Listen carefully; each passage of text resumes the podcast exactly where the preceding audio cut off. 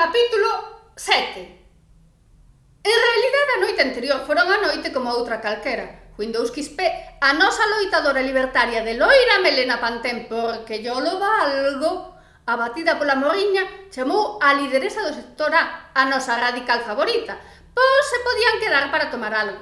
A lideresa do sector A díxolle que pola tarde non, que ela máis o Yeti tiñan que mercar cortinas, xa me entendedes pero que pola noite podía quedar. Juindúskispe agradeceulle eternamente colgaron. A lideresa do sector A, como notou moi tristona Windows, decidiu chamar as súas compañeiras das Ángeles de Charlitas para armar a gorda, perdón, para ter unha festa animada. Mariposa, a nosa Happy Flower, non o dubidou nin un segundo. E Poppy, a nosa executiva de alto nivel, tampouco o dubidou. Ben, pensou non pouco máis, igual dous segundos, pero dubidar o que se di dubidar, non o dubidou.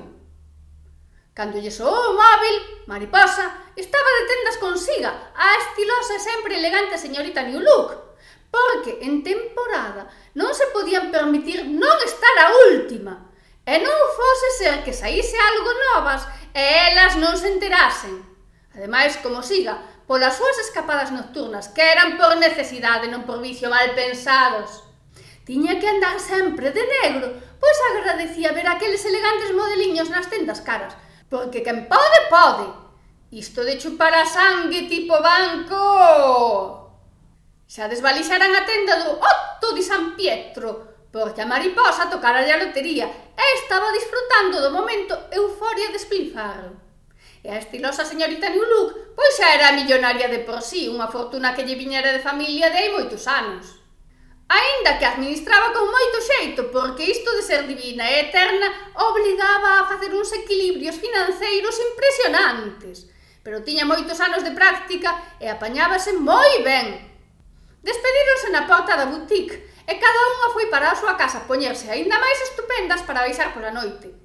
Siga chegou ao seu ático deixou as bolsas no sofá e toda emocionada foille contar o despistado doutor Zixel 650 que tal lle fora o día.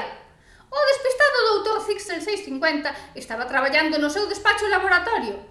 A siga non lle gustaba molestalo mentras estaba cas súas investigacións, pero xa era moi tarde e tiñan que cear. É que se non o avisaba, el non se decataba, e quedaba ali días enteiros sen comer nin dormir, ali metido. De feito, antes de coñecer a estilosa señorita New Look, nin comía nin dormía. E mira que insistiu, e tocoulle no ombreiro, e díxolle que tiñan para comer arroz tres delicias que era o plato super favorito de Fixel 650. Era vos así de xinxelo rapaz. É que sempre funcionaba, porque nada máis escoitar iso de arr, xa se lle encendían os ollos e viña o sorriso a cara. Pero nada, o tío seguía concentrado. Como xa se lle facía tarde, siga foi xear. Volveu xunto doutor, E o tío, nada, nin caso. Siga foise a arreglar, decidiu estrenar o que mercara que, por unha vez que saía de noite sin ir de cacería, que o facía por necesidade non por vicio mal pensadas.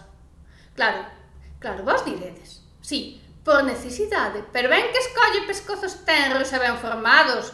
E vos que? Cando ides mercar melocotóns? Isto vai sin intención. Acaso non escolledes os de mellor pinta? Pois ela igual. Poesía de estreno. Antes de marchar, deixoulle unha nota no encerado do laboratorio. Ali seguro que miraba, seguro que tiña que facer algunha anotación dunha fórmula ou algo así, seguro, bueno, seguro, seguro. E algo preocupada por non darse despedido do desastre do seu mozo, baixou porque Mariposa xa estaba esperando.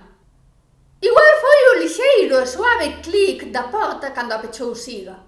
Ou igual a alineación das estrelas. O caso é que por fin o doutor despertou do seu letargo científico e púxose a escribir como un tolo no encerado do laboratorio. Iso sí, e por suposto, borrando antes todo o que ali había escrito, e iso sí, por suposto, sin molestarse en ler o que ali estaba escrito. Nin o de Quérote, nin o de Bicos. Eu matábao. Despois foron recoller a Poppy, que levaba uns segundos agardando, porque a limusín tivera dificultades para dar a volta na esquina na rúa onde vivía. Poppy enténdese non a limusín. É que a Coruña non está feita para certos luxos. Asiga, de todos os xeitos, o da limusín parecía unha ostentación algo falta de clase e estilo, pero ao fin, e como lle dixo Mariposa, foi o microbús máis cómodo que toparon. A lideresa do sector A púxolles as pilas polo retraso, e cando lles explicaron que fora por causas de forza maior e lle contaron cal foi a causa de forza maior, Díxolles que vai a conductor que levaban, que ela collía a limusín e pasaba ou facía oco nos edificios. Ser é vos ben capaz. E por fin, cun lixeiro retraso de 3 segundos, 0,1 milésima e non sei cantas milésimas dixo siga atendendo o seu reloxo máis puntual que a hora Greenwich pola conta que lle tiña en relación a certa circunstancia vampiras a vencer que xa ben coñecemos. Pois iso, que chegaron á casa de Windows XP, que estaba algo desanimada baixando no ascensor, pero cando viu o plan da noite xa se animou. E dentro da limusín máis aínda porque había unhas botelliñas de cava. Ían cear o campanillas. Un restaurante deses finos finos, rexentado, como o seu nome indica, por Campanilla, unha deusa da cociña moderna. O Campanillas estaba cheo de xente. Había a típica cola dos locales de moda de Nova York. Elas, como xa reservaran mesa, mediante un contacto que tiña Pistrín, O antigo carceleiro do caso aquel da mina no que Windows XP liberou a maior cantidade de cachimáns que ninguén liberara antes aínda que tivo que compartir o éxito do seu traballo con Heldes porque estamos nunha sociedade algo machista e co que ganou vendendo as exclusivas á prensa rosa foise vivir como un gigolo metrosexual na Riviera francesa, deixáronas entrar. Que aínda que o rasgo fundamental que as caracteriza é a modestia total e absoluta, pese a estar estupendas e maravillosas, nunca se lle subiu a cabeza, en por iso Non puideron evitar pasar co paso firme a cabeza erguida das modelos creídas por diante daquela multitude envexosa. Cando o investigador, que era tan bo que todos dicían que era la polla, pero que eu son demasiado fina para repetir semellante cousa, chegou ao despacho, recibiu no recepcionista cun case sorriso. É que viña da lúa de mel, xa me entendedes. E Celia, toda eficiente a esas horas da mañá, porque aínda non lle dera tempo a tomar ningunha desas infusións relaxantes que tomaba ela, díxolle que no seu despacho o estaba agardando dinámico. Dinámico, pensou o investigador. Que raro. Coñecerá a dinámico no conflicto aquel do garito antro do amigo de Clio, Timofónica, porque era un dos tres socios de Timo, que por daquela andaba en negocios turbios de desfalcos, de feito chamabanlle así pola rapidez ca que escapaba cos fondos. Extrañoulle, normal, porque aquel individuo só lle podía traer dores de cabeza. Sabe Dios en que se metera e en que clase de perigos. Isto era o que máis lle preocupaba o investigador.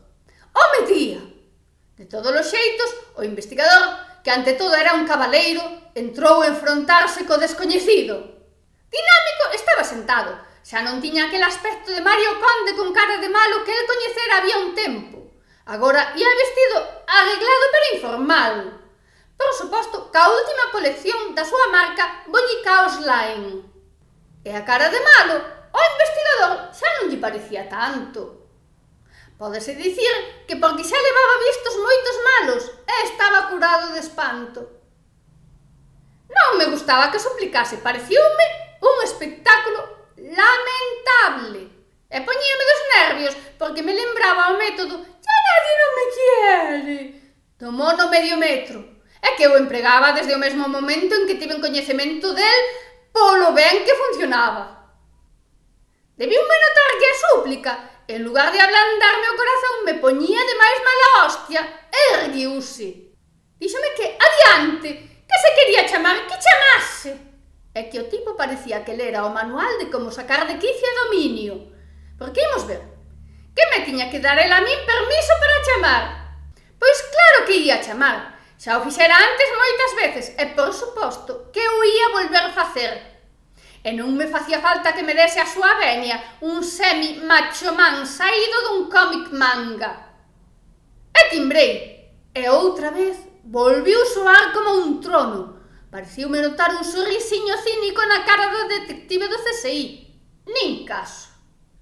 O malvado doutor de CPIP debía ter un sono ben profundo. Bueno, el sí, pero a veciña da baixo saiu do ascensor cabata guateada e cara de poucos amigos. Convidounos bastante pouco amablemente a abandonar o edificio antes de que chegase a policía, que, por se o dubidábamos, xa nos indicou que avisara antes de subir. Extrañoume, e tanto que me extrañou. Non era un detective do CSI, iso me dixera. Incluso me ensinara o famoso carné aquel que a insignia todo. En por iso, en canto escoitou a veciña do malvado doutor TCPIP dicir que avisara a policía, púxose nervioso, ou igual non, de todos os xeitos, parecía intranquilo. Eu porque tampouco me apetecía unha multa ou que puxesen por timbrarlle a un veciño con nocturnidade a alevosía e marchei a fume de carozo. O detective, que parecía saído dun cómic manga, tamén corría, pero aínda non sabía eu por qué. Xa na rúa botei a andar, rápido, pero andar, que unha pode estar acojonada pero mantendo o tipo, eh? O do CSI seguíame.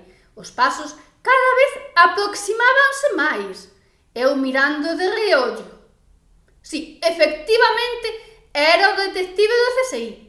Pegou un bomberro antes de poñerse á miña altura. Sería para evitar calquera reacción instintiva miña, xa me entendedes. Eu, como de contactar co malvado doutor de CPIP me saíra mal, e tiña gana de vacilar a alguén, pois comecei a dicirlle Que moito medo tiña el da policía para ser el tan investigador superior. Dinámico explicoulle ao investigador o porqué da súa presencia no seu despacho. O día anterior celebráranse as probas clasificatorias por nacións para o Campeonato Mundial de Flying Cups e Mariposa non se presentou.